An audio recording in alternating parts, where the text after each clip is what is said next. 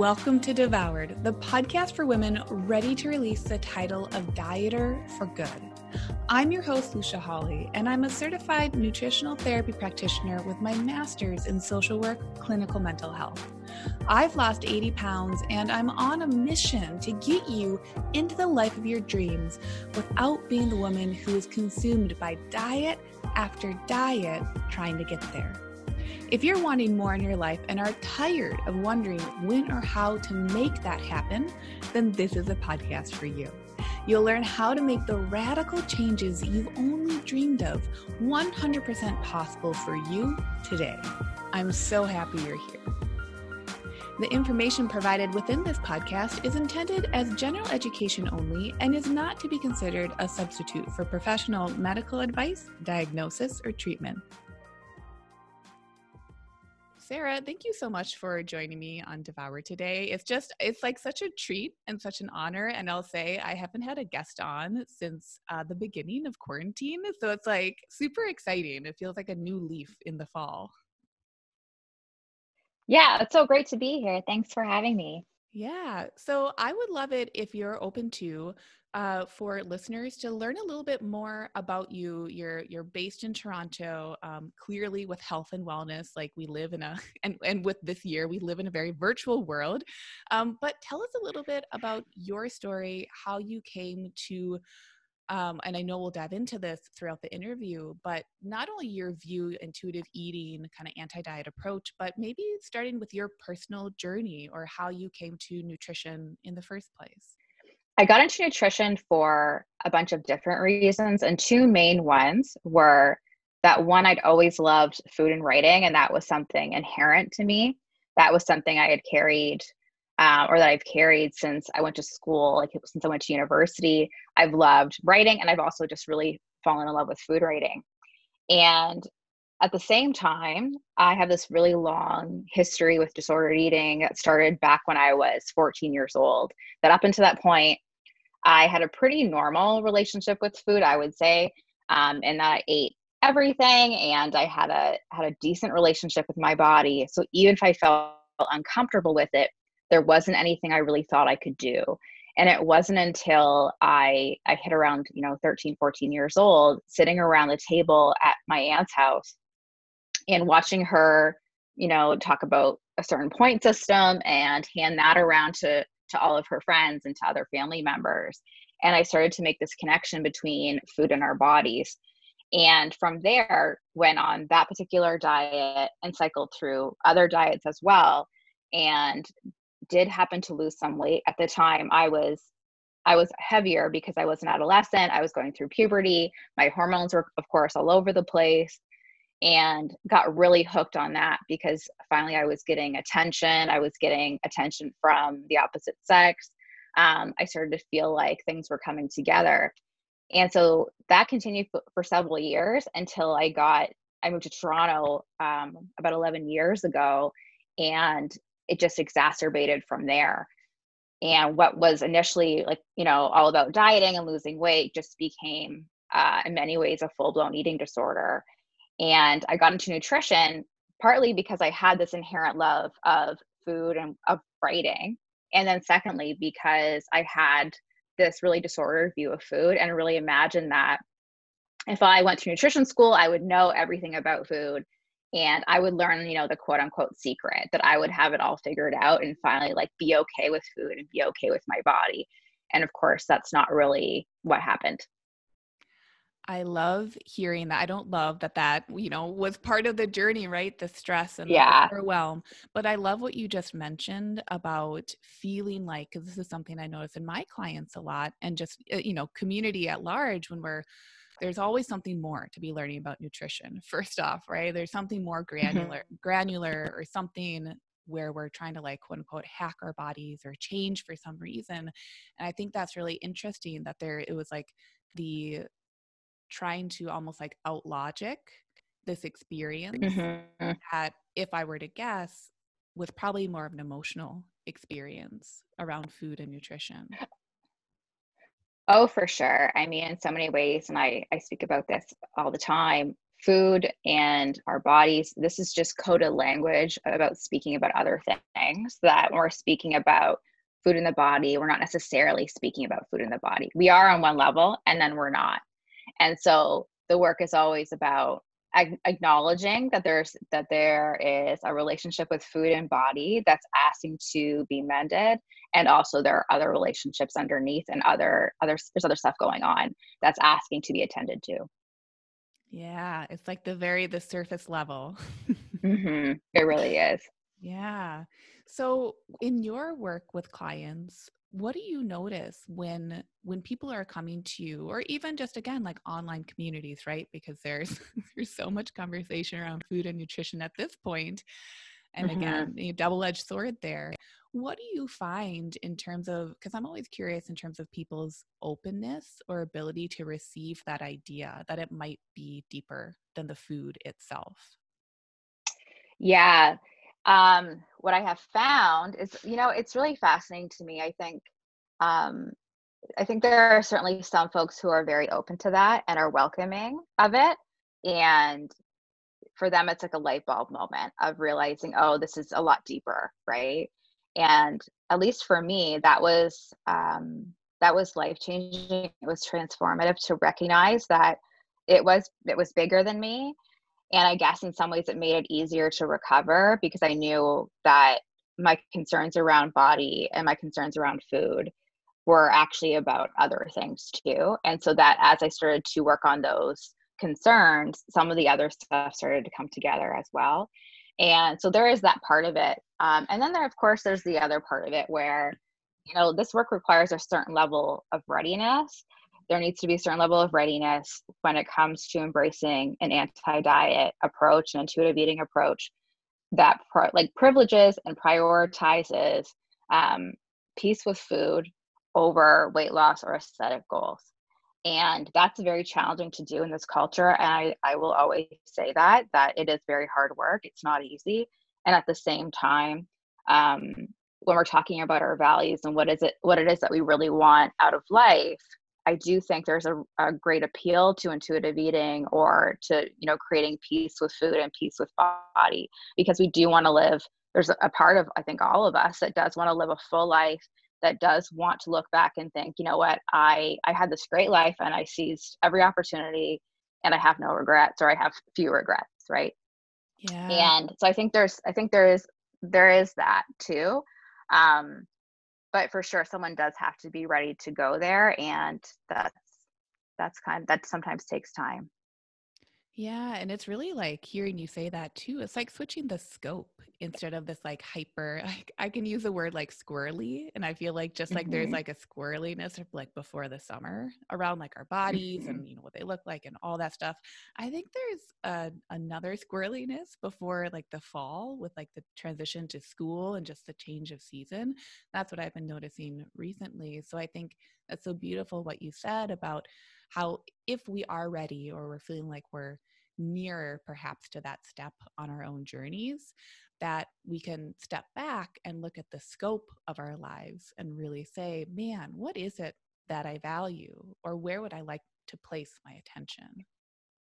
Exactly that we can look that we can we have this greater broader lens to say like okay when all of this is over or even, or even now like what is it that i really want? Like what is it that would really set my heart on fire and can i start to move in that direction uh, that's a really powerful question yeah, and it's very revolutionary too, because, like you said, in our culture, the focus, like the normal kind of normative diet culture focus, is anything but that.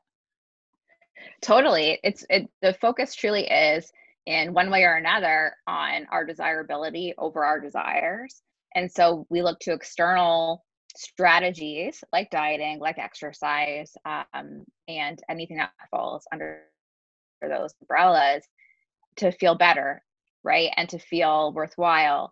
And this work is truly about like okay what is it that i want what are my what are my desires what are my wants and needs and we start to put that forward that is revolutionary and how what what is your approach like to help women or um, the, your clients, the people that you work with, what is that approach if someone is feeling like, okay, they know that they're ready, like they're sick of the diets, they're sick of that yo-yo cycle, they like know that mm-hmm. part, but they're yeah. maybe feeling out to sea with like even the concept of maybe having core values or what that work, how it could possibly tie into like cookies or kale. How, yeah. how, do you, how do you start to bring that process? How do you start to tie that in as kind of that foundational work? Yeah, I think it it depends on the person truly like each person who comes to me is quite different and so where we begin um, will really vary. Where the values work comes in for me is that when we start to talk about like like depending on where that person's coming in from when we start to talk about you know pleasurable eating or what some people call gentle nutrition for me and my practice that's kind of where it comes in that might be a little late other people might find that late um, for some people they bring it in right away and there have been times certainly where i have done that um, but I find as people people go through this natural organic process of I'm making peace with food, I'm starting to legalize everything, I'm allowing myself to complete the diet cycle and allow myself to have whatever it is I want to eat. Um, we're rejecting the diet mentality. We're making peace with food. Um, we're starting to honor hunger as we move through that and then get into the emotions, which comes up naturally as you're starting to let go of the hold that food has and all the restriction. The emotions come up and then we get to a point where maybe there's starting to be some consideration for what is it that i want to be eating? Um, how do i want to feel? And some of these broader questions. And for me that's when the the values work starts to come in because then we can say like what exactly are my, my core values and how do i have a relationship with food that is a match for some of these values how do i have a relationship with food that is kind that is compassionate that is caring now, that said, sometimes they're bringing in earlier to talk about body image work of like thinking about the body or body image as truly a relationship. And if you think about some of the best relationships in your life, what are some of the qualities, the characteristics of those relationships? And can we bring some of those over? And that's where the values work is really important because diet culture teaches us, or, you know, basically gives us that value system, which privileges the aesthetics, um, it's all about appearance and eating like eating in a certain way or moving in a certain way. And we're trying to move over to your own internal value system, which is like, what are my actual values? What are the things I actually care about? What are the things I would care about if I were on a desert island? And so we can start to bring some of that work into the body image work where we start to say, you know, instead of working out for an aesthetic goal maybe it's i'm moving my body to because like i, I want to feel energized and that's one of my that that's helpful for me um, something like that so it kind of varies those are the two core ways that i tend to bring it in yeah I loved when I was um, reading through your book, which we'll bring up in just a minute here. I really, you know, I wrote down a few different key phrases that I was just like, yes, like mic drop. like underline, circle, highlight, like all of that. And one that I really loved, and I think it was in a section around, you know, exercise or moving our bodies a little more specifically, was this concept of care over control. Mm-hmm. Is that something that you yeah. could speak to a little bit more? Yeah, yeah. So, and I also want to clarify this is not specific to me, that there's a few of us in the intuitive eating world that speak about self care over self control. Um, so it certainly didn't originate with me, but I'm happy to share that and and pass it on. Um, but the, this idea of care over control is really this. So diet culture is all about control. I'm going to control what I put on my plate, what I'm eating, um, how much I'm exercising. It's pretty rigid.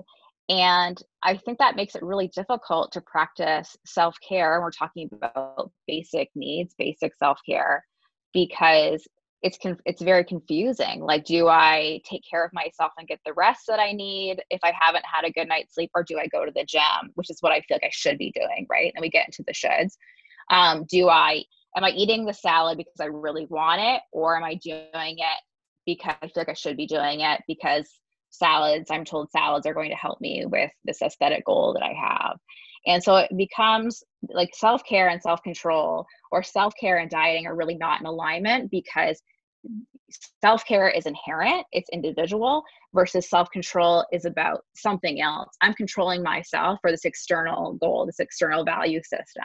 So they're at odds. What's different about intuitive eating is we're really talking about not what's right or wrong, you know, what's good or bad. We're talking about what is it that you want? What are your actual wants and needs? And how do we create practices that support those wants and needs?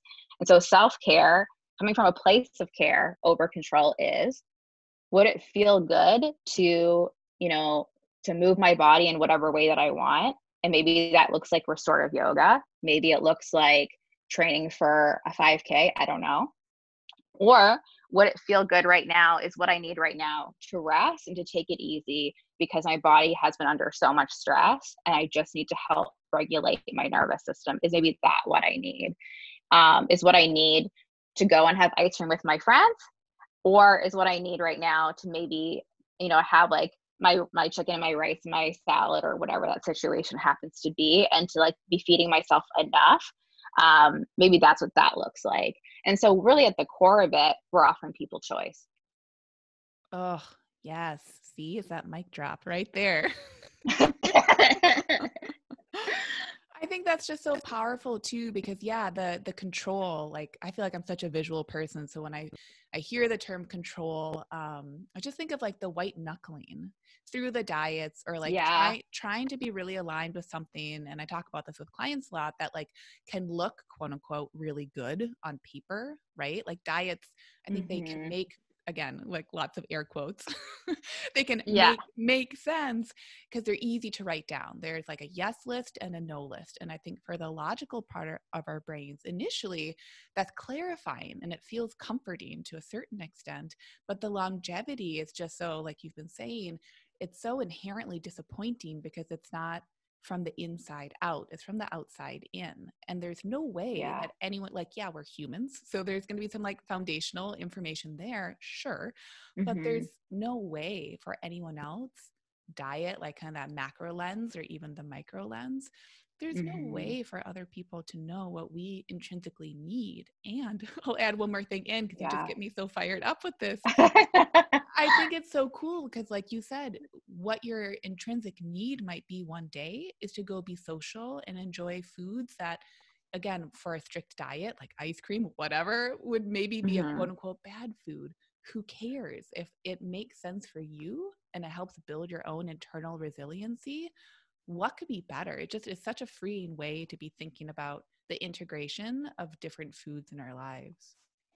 A hundred percent, right? And the thing is too, like I, I completely understand the the compulsion to diet, the attachment to dieting, because it, it does help to organize some things, right? There there is something um reassuring, there's something calming about a system like that of like i do this and i'm going to be okay of course the flip side of that is it doesn't really deliver on its promises and we don't end up really feeling okay we go to diets as a way of trusting ourselves more around food and and you know around our bodies and the irony of that is they disconnect us further from trust and, and you know that be, that ability to trust and to be with our bodies and so that thing that we think is going to solve everything actually tends to complicate it a lot more. And it also tends to privilege the physical health over all other forms, right? And so, what if, you know, what if you did really want to honor your mental health one day? And where's the space for that? Um, because sometimes we are going to make decisions that honor our mental health, our spiritual health, our emotional health over our physical health. And sometimes, you know, like sometimes it's going to happen. That's okay. That's a choice that we get to make. And that's the thing that dieting really disconnects us from is that ability to make all of these choices and to live with flexibility that that health ought to be flexible that it's not rigid that as the world health organization has said is a resource for everyday life right? It's a resource. It's not the the object of living. And so it's something that's meant to help us. That doesn't mean it's a rule Yes. Well, and as you were saying that last bit too, you know, something that I notice being on like social media in wh- whichever app or platform that might be. Yeah. I think there's also a really interesting, and, and I might not word this correctly, but hopefully this makes sense.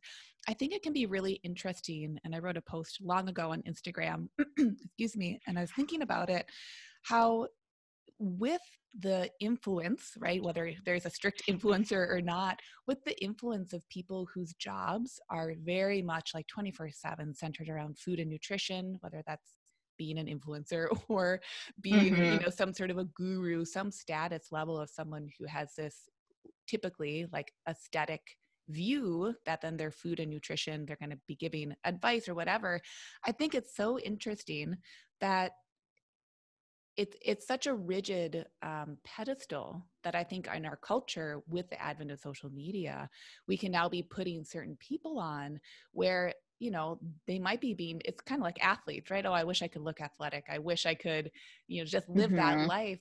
We have to understand that, just like you said, food, emotional health, physical health, mental health, spiritual health, these are to support us through our own individual days.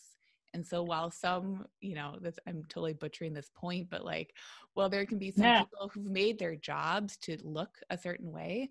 It's such a it's such a granular focus of their lives versus our own lives, which of course it can sound so simple to say it. Of course, our own mm-hmm. lives are our own. And so I think it comes right back to what we can value.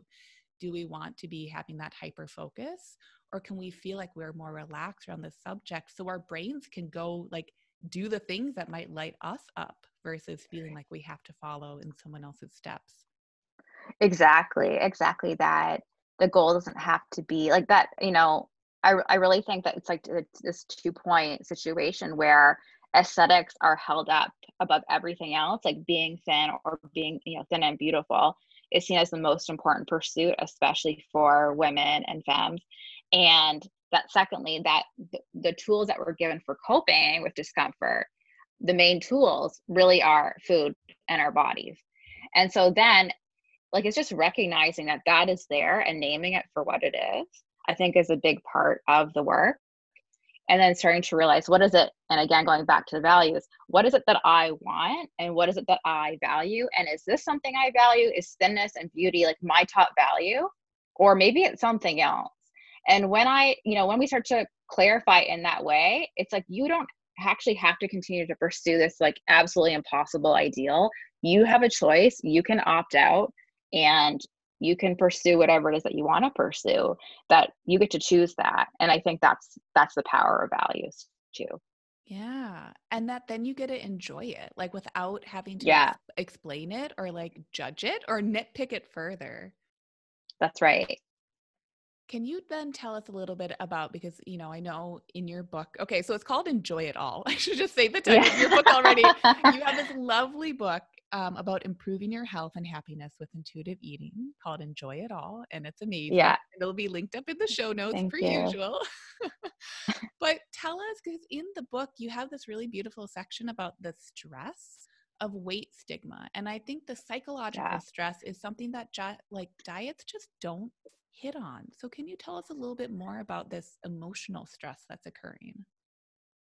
Yeah. So, yes, I named it Enjoy It All because I wanted to be very clear. Um, so that was like that. That's the title that came up. Um, but, uh, yeah, there's there is this really pronounced emotional stress to dieting, in that one like i mean it's it's tough to separate the physical from the emotional but for one thing when you're dieting your body is in this state of of chronic stress like you're not feeding your body enough which can then exacerbate anxiety. Um you start to feel like you know like if i'm not feeling like there if i don't have enough food available to me i'm going to be under stress. And it's also really stressful to be constantly on a diet and like monitoring it that way and being hyper vigilant and so the repercussions of that you know are manyfold of course because if i'm always having to be super on call whenever you know like about food all the time i can't actually relax. I can't be present. I can't be with the people that i'm around that if i'm out for dinner my focus is primarily on whatever the food is as opposed to being out with people and enjoying my time. Or if I'm at a party and there's food available, maybe I'm constantly drawn to that rather than being with my company. And so it really becomes all encompassing in that way. And so, um, within our friendships, within our relationships, those tend to take a hit. So that's one that's one repercussion of dieting for sure. Yeah, it it it's that hyper focus. Do you notice like in this year, especially like talk about stress 2020, mm-hmm. hey, have you noticed anything in particular in terms of like that intersection of um, what's coming up for women or just you know almost anyone around their relationship with food as many of us are you know sticking to being inside and just having this major disruption in our schedules from previous years. Anything in particular in 2020 that you've noticed as like a theme? Yeah so for sure i've definitely seen this happen this year where it's almost it almost happens like clockwork from my purview that as soon as we start to feel that uh, some level of stress come up we go immediately to our bodies. And so um for example it's like you know someone you know has recently gone through a breakup and then there's a diet for that right we'll go right to dieting if we're starting to feel inundated with grief then we're like taken back into diet culture again. If someone, you know, if there's like something uncomfortable going on at work, then we tend to resort to dieting. We're taught pretty much from the very beginning that by changing our bodies, we can change our lives. And so there, even though that doesn't feel logical to us, even though it doesn't necessarily feel like a true match, there is this sense of if I can get this, you know, one thing, quote unquote, under control, then everything else will come together. And I've seen this happen particularly in the pandemic, where as soon as it came out, as soon as the World Health Organization announced it, there was this draw towards workouts. There's a draw towards like quote unquote healthy eating, whatever that is, right? A, a draw towards dieting. Like, I'm going to come out of this pandemic and be like fitter than ever, sort of speak. And that's really fascinating to me because I didn't hear anyone say, you know, I'm going to get really into meditation, although maybe there were people who did that. you know, I, I wasn't hearing like, I'm going to like commit myself to my spirituality or I'm going to get the best sleep of my life. Like when we're talking about health habits and behaviors, the ones that people really focused on were the ones tied to to image, right? And so there is this constant draw that by controlling my body, I control I can control my life and I've definitely seen that happen where the more and more stress we're under, we start to take it out in our bodies because we're taught from a very young age to suppress uncomfortable sensations, or maybe it wasn't safe to have uncomfortable feelings. And so we went to food probably either through eating or restriction to help us to feel better. And there's that connection that gets built in between the emotions and the body and food and that if I don't feel good, if I feel sad, angry, fearful, uh, I'm going to take it out on food and basically take it, that out of my body, as opposed to asking what those emotions need from me to feel better. Mm, yes. And what you mentioned in there as well about, you know, like maybe it wasn't safe to have emotions, especially for some of us growing up. I, mm-hmm. I love that concept because I think, of course, right, there can be so many layers of like self blame, self hatred, like the guilt, the shame, the judgment around, well, why, why do I comfort eat? Or why do I feel like I have this thing, whatever iteration it is around food that I quote unquote can't figure out? And I think it's so beautiful to reframe with that, like, man, as little kids, of you know, whether it's trauma with a big T or trauma with a little t, I think so many of us come to utilizing different tools, whether the tool was food or comfort eating or some, again, different iteration of that, like insert the phrase mm-hmm. that makes the most sense for the person. But yeah, we come to these actions or even habits so innocently. Like, how beautiful that if there was some kid, and you know, this was my experience, who felt like mm-hmm. unable to have an emotional support in the certain way that would have been beautiful at that time how cool that there was a resource and if it happened to be food okay you know? If that was yeah. what the most adaptive choice was like okay mm-hmm. i think that's just such a great way to reframe that. Again our, our culture of dieting is like nope you were bad it was that's, wrong. Yeah. Yeah. Yeah. A hundred percent. I mean i've seen this happen too that it's so transformative when we can um, praise it, acknowledge it for the amazing tool that it is, that thankfully food is there. Because if food is not there, what will be there? And it's I think it's really important to name it that way too. I loved the way that you articulated it because for so many people, what I've seen happen is the sense of, well, I shouldn't be taking my feelings out on food. And if I'm doing this, like this food that I'm eating is bad, quote unquote, and then therefore I am bad. That is the associate that that's the association that gets made at a really early, like at a really young age, that if I'm eating this bad thing, quote unquote, that I must also be bad. And how powerful and transformative is it to say, actually, that food was this amazing resource for you. It helped you to get through whatever it was you were getting through. And when you say that to someone, when you make it known that food is not bad, that finding comfort in food makes so much sense, that that is our natural birthright, then they can, you know, then be, begin to think like, actually, if that food's not bad, then I'm not bad either. And the shame goes away. Yeah it just like dissolves it. It's like here's the opportunity yes. for that shame instead of just being in a in a shame spiral and having it reinforce itself. It's like it opens the door and says you can you can leave now if you would like to.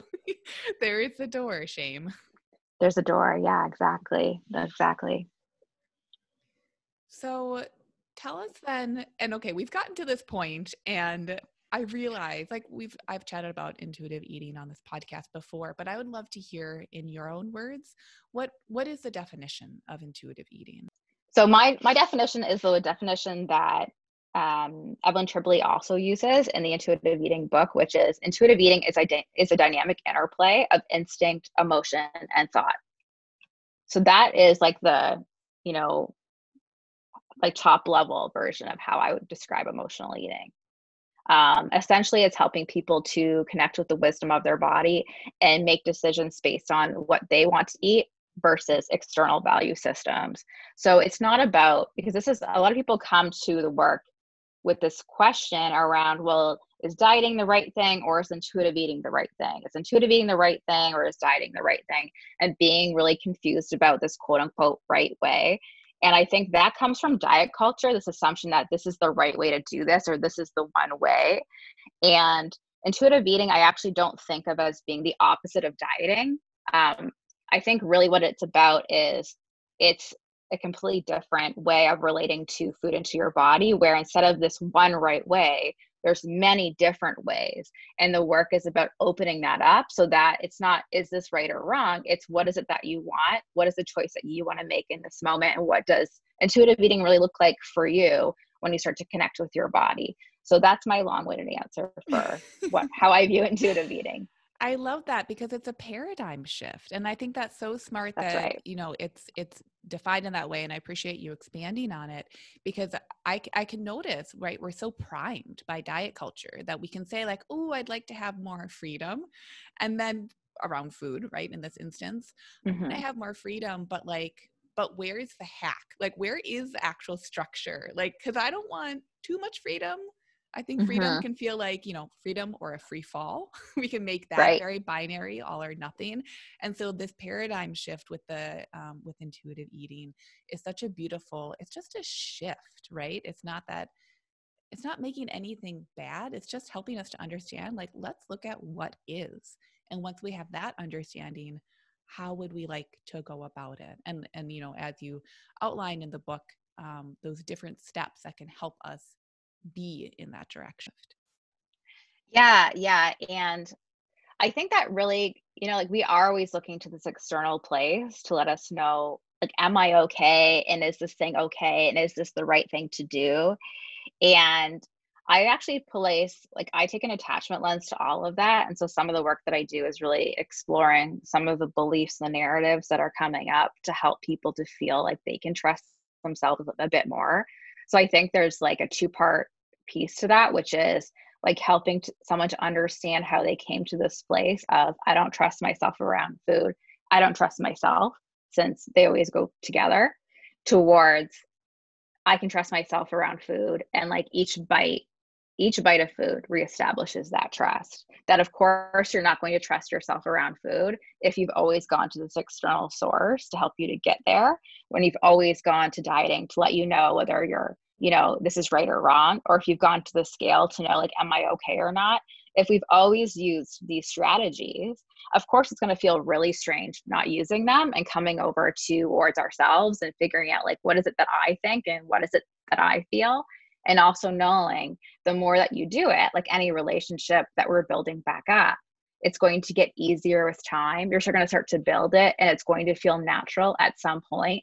But the same way, like when you start driving a car, it takes so much energy and it requires so much of you to to really to be on the road right like it's it's a really new experience um, that over time that gets easier and maybe you're like driving along and you're sipping a coffee or something um, and it feels a little bit easier to do that it's kind of the same thing. So of course you don't trust yourself around food and of course it's going to feel like free falling. And then together the work is how do we help to create a safe container for you? And how do we help you to feel like you can do this? And what are the steps to make that happen? And yeah i do outline that in the book as well in a, in a really short way but that's there.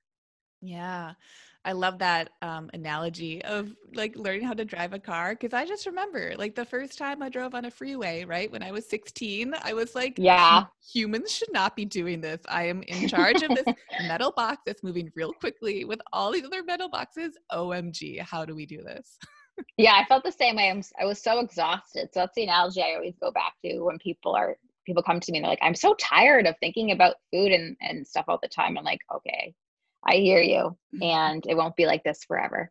Yeah, yeah. We just gotta lay like lay the path brick by brick or like build that bridge brick by brick and trust that, exactly like, as we do it, like it will build upon itself.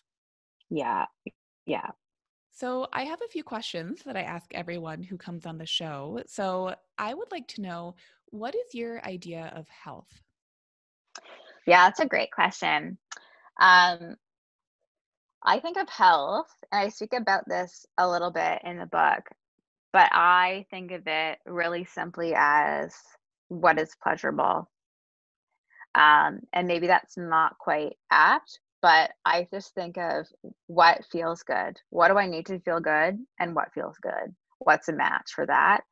And so I keep it really simple. I don't think health is a binary the way that we often believe that it is.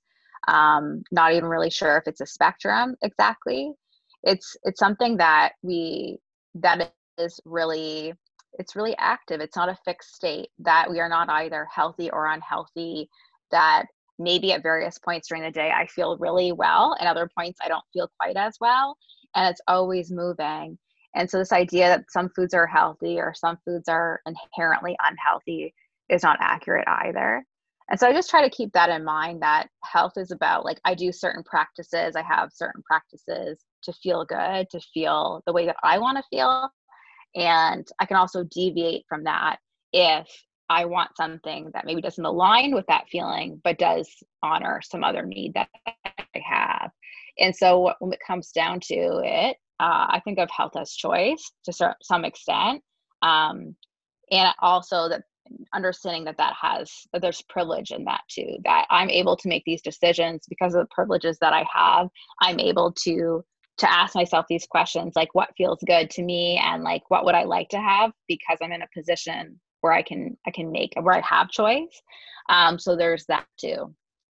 Yeah, it's like really honoring all those different levels of what can be occurring in that present moment. That's right. Okay, so then my next question, what is your idea of happiness? Um my idea of happiness. Uh, what always comes to mind when I think of that is just being surrounded by loved ones at our dinner table and having a really great meal together with music playing in the background and maybe having some beverages or whatever and just being there together and supporting one another. To me, like there's nothing better than being around people I care about and celebrating with food. Yes. Oh my gosh, birds of a feather. yeah. that sounds so amazing, especially in like the context of 2020. That is just that's beautiful. Yeah. So then my last question, what is your favorite word? Oh. My favorite word um that I can list on the podcast. Just kidding. Um, hey, we have that explicit. My, my we have that explicit rating. You go for it. my favorite word is um.